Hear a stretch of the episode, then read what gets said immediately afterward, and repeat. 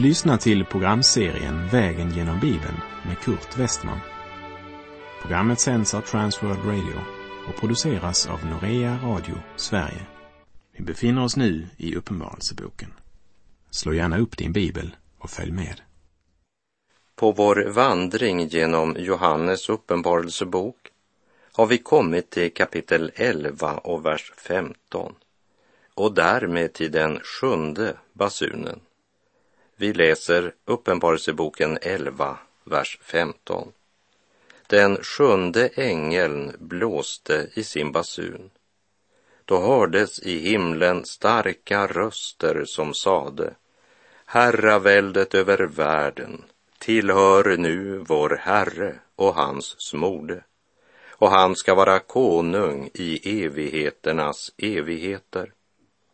Redan i kapitel 10 så läste vi att den sjunde basunen skulle innebära fullbordan av Guds hemliga rådslut. Med den följer alltså Guds slutliga avgörande dom och frälsningen. Det vi läser om här ger oss alltså en inblick i vad som sker i himlen när den sjunde basunen har ljudit. Och liksom det sjunde sigillet vecklade ut sig i sju basuner så utvecklar sig den sjunde basunen i sju plågor. Men innan det sker så får vi här först en inblick i himlen för att få veta vad den sjunde basunen betyder där.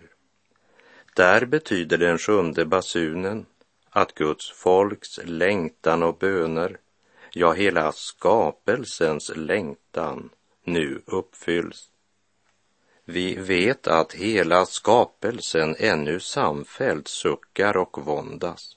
Och inte bara den, utan också vi som fått anden som förstlingsfrukt. Också vi suckar inom oss och väntar på barnaskapet, vår kropps förlossning, skriver Paulus i Romarbrevet 8 8, vers 22 och 23. Och här får vi liksom en förhandsvisning av den reaktion som detta får i himlen. Och därmed börjar den längsta synen i Johannes uppenbarelsebok som sträcker sig helt till och med kapitel 19. Men då måste vi också tillägga att den består av flera av varandra helt oberoende syner. Men sammanhanget består i att det är samma ämne som belyses på olika sätt. Och det gemensamma är detta, att alla dessa syner belyser Antikrist som är församlingens farligaste fiende så länge vi lever här på jord. Och den antikristliga andan har varit verksam helt sedan löftet om Messias blev givet. Johannes skrev ju redan i sitt första brev kapitel 2, vers 18. Kära barn, den sista tiden är här. Och liksom ni har hört att Antikrist skall komma, så har redan nu många antikrister trätt fram. Av detta förstår vi att den sista tiden har kommit. Med den sista tiden siktas då till tiden mellan Kristi himmelsfärd och hans återkomst i härlighet.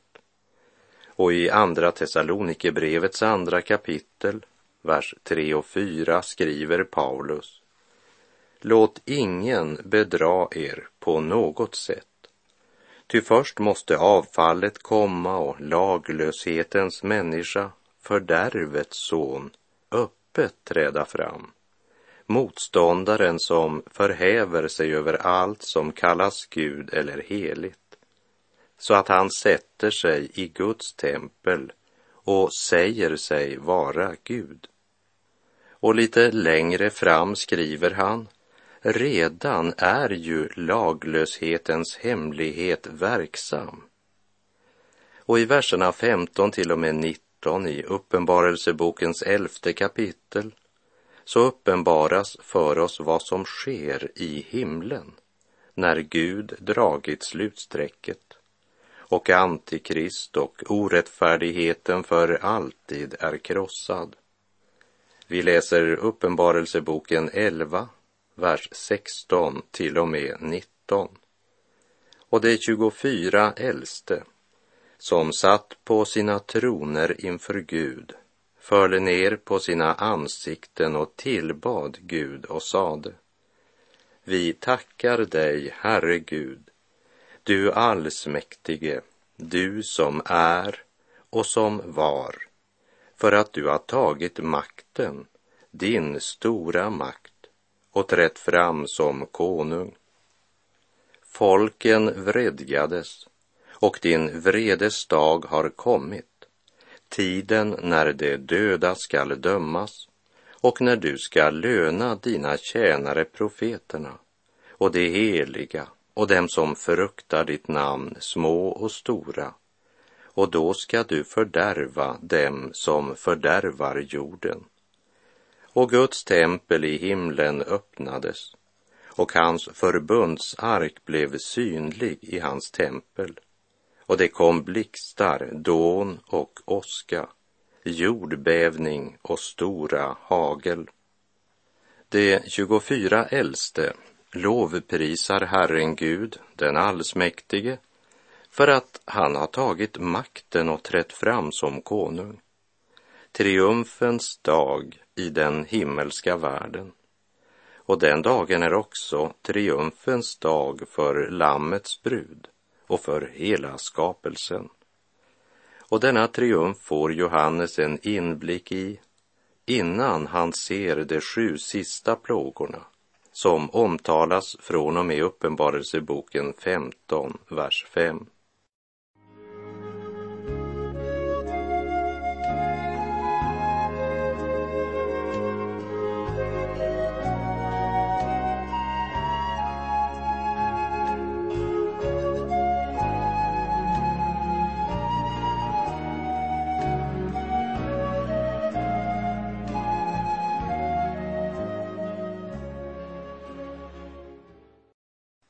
Det är Johannes uppenbarelsebok vi läser. Och kanske bör vi påminna varandra om att uppenbarelse, det betyder att avtäcka eller avslöja vad som döljer sig bakom tillvarons yttre fasad. Och Gud ser det nödvändigt att uppenbara något speciellt angående evangeliets huvudfiende något som också Jesus och apostlarna pekade på, nämligen att han inte öppet framträder som en motståndare till Guds frälsning eller till Jesus, Guds son, utan tvärtom ska han komma i Kristi namn och predika ett evangelium som är så nära sanningen att till och med många av dem som en gång har känt evangeliets sanna ljus ska låta sig bedras. Han ska ju komma som en ljusets ängel. Och i Andra Korinterbrevets elfte kapitel, vers 14 och 15 skriver aposteln Paulus, och det är inget att förvåna sig över. Satan själv gör sig lik en ljusets ängel. Därför är det inte underligt att också hans tjänare uppträder som tjänare åt rättfärdigheten. Men det kommer att få det slut som det förtjänar.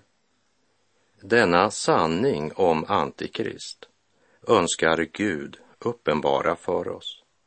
Så låt oss ha det i tankarna genom hela uppenbarelseboken och sedan betänka detta var dag så länge vi lever här. Uppenbarelseboken 11.18 säger att folken vredgades. Och det säger oss att det hårdnackade upproret mot Gud kommer att fortsätta helt till slutet. Den fallna naturen, denna kötsliga natur som du och jag har, är inte lydig mot Gud. Och vår gamla natur kan inte förbättras den blir aldrig god eller gudfruktig. Den är tvärtom främmande för livet i Gud. Det är det Paulus skriver om i Romarbrevets åttonde kapitel, vers 7 och 8, där han säger Köttets sinne är fiendskap mot Gud. Det underordnar sig inte Guds lag och kan det inte heller. Det som följer sin syndiga natur kan inte behaga Gud. Och köttet, ja, det bär vi med oss så länge vi är på den här sidan graven. Men köttet ska inte få råda eller vara det avgörande i våra liv. Därför ger Paulus följande förmaning i Galaterbrevet 5, vers 24 och 25. Det som tillhör Kristus Jesus har korsfäst sitt kött med dess lidelser och begär. Om vi har liv genom anden, låt oss då även följa anden. Vår gamla natur, köttet, det kan inte förbättras eller repareras. Det måste ske en ny födsel. Gud måste genom sitt ord och sin helige ande skapa något nytt i våra liv. Alltså, om någon är i Kristus är han en ny skapelse. Det gamla är förbi, se det nya har kommit, står det i Andra Korinterbrevet 5.17. Och till de troende i Galatien så skriver Paulus i Galaterbrevet 6, vers 15. Det har ingen betydelse om man är omskuren eller oomskuren. Det som verkligen betyder något är en ny skapelse. Vi kan nog driva exercis med gamle Adam och ta oss samman och försöka göra vissa gärningar. Men hur vi än försöker så blir vår gamla natur, köttet, aldrig gudfruktigt. Det måste ske en ny födsel och det är ett Guds verk. Och det sker genom Guds ord och den helige Ande som uppenbarar Kristus för våra hjärtan och fyller oss med sin kärlek. För kärleken består inte i att vi har älskat Gud, utan i att han har älskat oss och sänt oss sin son till försoning för våra synder. En oandlig människa tar inte emot det som tillhör Guds ande. Det är dårskap för henne och hon kan inte förstå det eftersom det måste bedömas på ett andligt sätt, skriver Paulus i Andra Korinterbrevet 2.14. Och det är förklaringen till att folken vredgas, som det står i Uppenbarelseboken 11.18. Också det folk som vredgas på Gud och evangeliet måste på domens dag skörda vad de har sått. Den som vredgas på Guds heliga vilja, hatar sanningen och älskar lögnen måste till sist skörda Guds vrede. Folken vredgades och din vredes dag har kommit tiden när de döda skall dömas och när du skall löna dina tjänare profeterna och de heliga och dem som fruktar ditt namn, små och stora, och då du ska fördärva dem som fördärvar jorden. Och Guds tempel i himlen öppnades och hans förbundsark blev synlig i hans tempel. Och det kom blixtar dån och åska, jordbävning och stora hagel.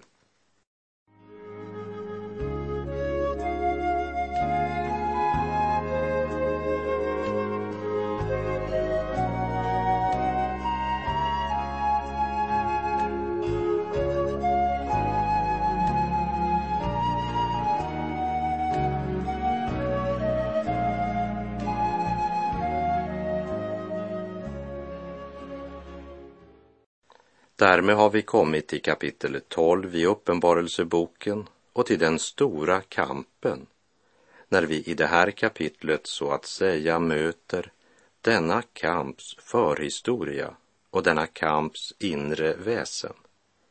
I en rad syner så ska vi i kapitlen 12, 13 och 14 höra om de våldsamma sammanstötningar mellan å ena sidan Kristus och hans församling och å andra sidan Satan och hans tjänare. Vi läser Uppenbarelseboken 12, vers 1 och 2. Ett stort tecken visade sig i himlen. En kvinna klädd i solen och med månen under sina fötter och en krona av tolv stjärnor på sitt huvud. Hon är havande och ropar i barnsnöd och födslovånda. Här vill jag påminna om att Johannes får i syner både se och höra vad som skall ske här efter. Därför handlar det alltså inte om en syn som går tillbaka till jungfru Maria och Jesu födelse. Men också denna syn handlar om något som skall ske, det vill säga det är framtid, det som Johannes får se. Och vi ska be om nåd att inte gå vilse bland alla symboler och bilder i Uppenbarelseboken och inte heller spekulera för mycket över detaljer utan fokusera på huvudbudskapet. Med kapitel 12 skisseras bakgrunden för kampen och vi lägger märke till att det blir sagt ett stort tecken visade sig i himlen. Det handlar alltså inte bokstavligt om en kvinna, men om ett tecken som i himlen visar sig för Johannes. Genom profeterna i det gamla testamentet talar Herren om och om igen om församlingen som sin brud och om avfallet från Gud som äktenskapsbrott. Och kvinnan i Uppenbarelseboken 12 är den gammaltestamentliga församlingen. Bland Guds folk i den gamla pakten föddes Kristus och nu är församlingen i födslovånda igen inför hans återkomst i härlighet. Våra tankar blir ju så lätt styrda av det synliga. Och vad är det vi ser när det gäller Guds församling på jord? Ja, vi ser svagheten, bristerna. Vi ser de små församlingarna som består av få sanna bekännare och många namnkristna. Och vi ser alla inbördes strider och brister. Och till och med hos Jesu efterföljare ser vi många skröpligheter. Ja, det är vad vi ser. Det är som om Gud ville lyfta vår blick och smörja våra ögon med den gudomliga smörjelsen i vilken vi kan se församlingen som världens ljus mitt i all sin skröplighet. Och här är jag behov för att repetera något från Första Mosebok innan vi vandrar vidare. Jag citerar Första Mosebok kapitel 1, vers 16 till och med 18. Gud gjorde de två stora ljusen, det större att härska över dagen och det mindre att härska över natten, likaså stjärnorna. Han satte dem på himlavalvet till att lysa över jorden, till att härska över dagen och natten och till att skilja ljuset från mörkret. Och Gud såg att det var gott. I den fjärde skapelseakten eller skapelsedagen insätter Gud alltså solen och månen i sin position för att utmärka särskilda tider, dagar och år. Så från den fjärde skapelsedagen existerar alltså tiden. Det ena ljuset ska råda över dagen, det andra över natten vi ser att inte ens natten är helt utelämnad till mörkret. På dagen råder solens ljus. På natten så är ljuset begränsat till det återsken av solen som månen ger. Det är solen som ger dagen ljus, också de dagar när det regnar. Solen råder över dagen och den som tillsammans med sin kära vandrat en klar höstkväll i månens sken tvekar inte med att säga månen har verkligen inflytande över natten.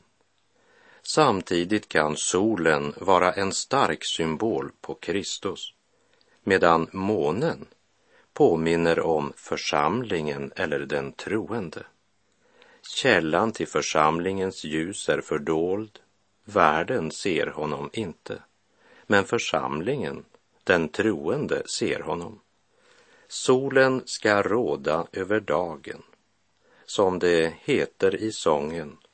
Ja, det ska komma en dag då all smärta ska bli glömd, inga mörka skyar mer, inga tårar där vi ser. Där är evig frid och ro, i det land där vi ska bo. Vilken underbar dag det ska bli. Men intill den dagen kommer, då skapelsen är återupprättad och rättfärdighetens sol regerar, så råder syndens natt. Om natten är solen dold men om månen står i rätt position i förhållande till solen så kan den ge tillräckligt ljus för att man kan finna vägen hem. Och när församlingen står i ett rätt förhållande, vi kan säga en rätt position till Kristus, så återspeglar den något av evangeliets ljus till den värld som lever i mörker. Månen har inget eget ljus och det har inte heller församlingen. Den kan bara återge och återspegla det ljus den själv mottar från Kristus. Och i Uppenbarelsebokens tolfte kapitel påminner Herren oss om att församlingen är klädd i solen, iklädd Kristus och hans rättfärdighet. Kristus är huvudet, församlingen, månen, är fötterna. Diademet med tolv stjärnor talar om den gamla pakts arvingar, medan de tolv Jesu apostlar är den nya paktens folk, ja, början till en ny frälst församling bestående av judar, greker, svenskar, ja, alla stammar och folkslag. Kristi församling, där Kristus är huvudet, är mor till allt som blivit levande på denna syndens och dödens jord. Så här i Uppenbarelseboken 12 möter vi församlingen som den ser ut i Guds ögon. Han som ser den i Kristus, ja, iklädda solen.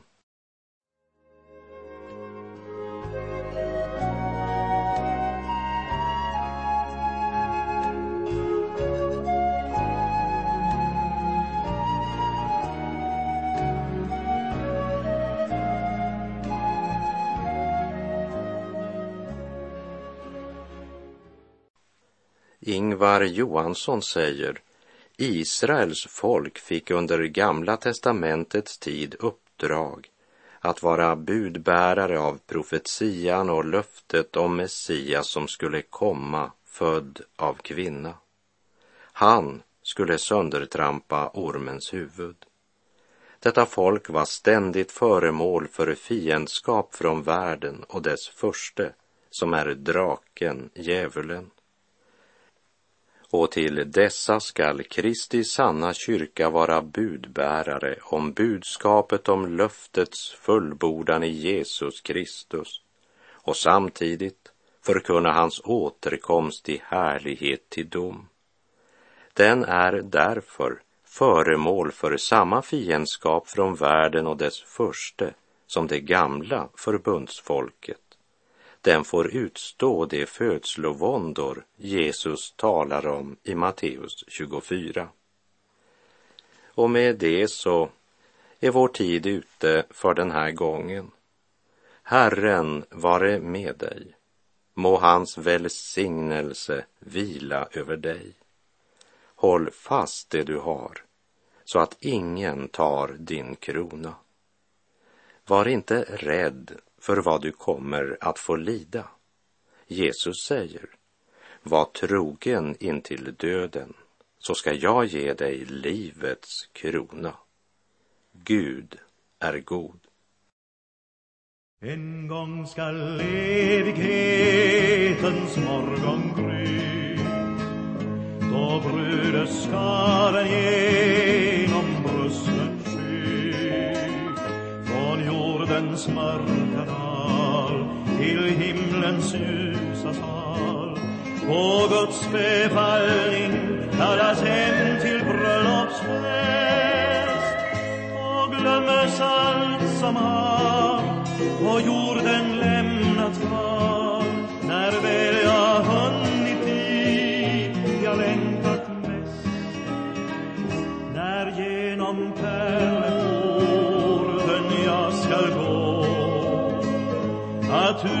mot segern han den gyllne kronan får.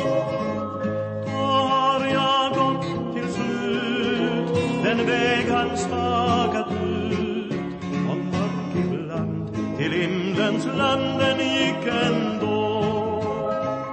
Den som har kläder vit som fjällets snö och som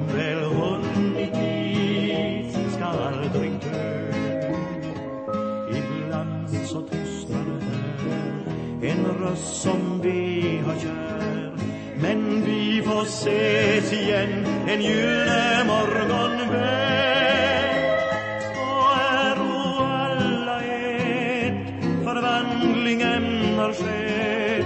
Och kung och tiggare är samma dräkt. Och att det tränger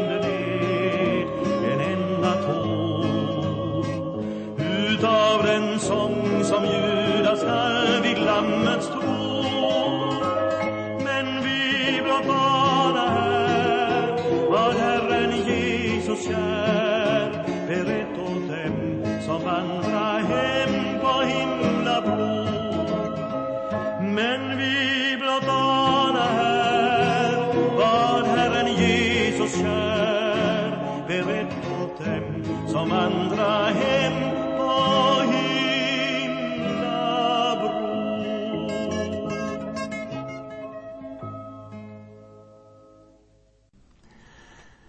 Norea Radio Sverige understödjer radiomission på farsispråket. Här följer ett lyssnarbrev. Jag har suttit i fängelse i Iran i tio år. I fängelset hade jag gott om tid att studera det gamla testamentet, islam och Jesus. Jag kom till den slutsatsen att Jesus är svaret på våra problem. Radioprogrammen har sedan övertygat mig om att kristendomen är bättre än de andra, men jag har fortfarande en hel del frågor.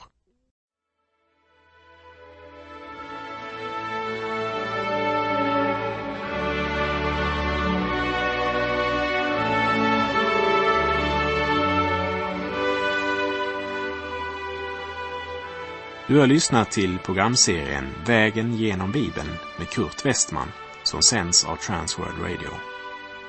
Programserien är producerad av Norea Radio Sverige. Om du önskar mer information om vårt radiomissionsarbete så skriv till Norea Radio Sverige, box 3419 103 68 Stockholm. Adressen är alltså Norea Radio Sverige box 3419. Postnumret 10368 Stockholm.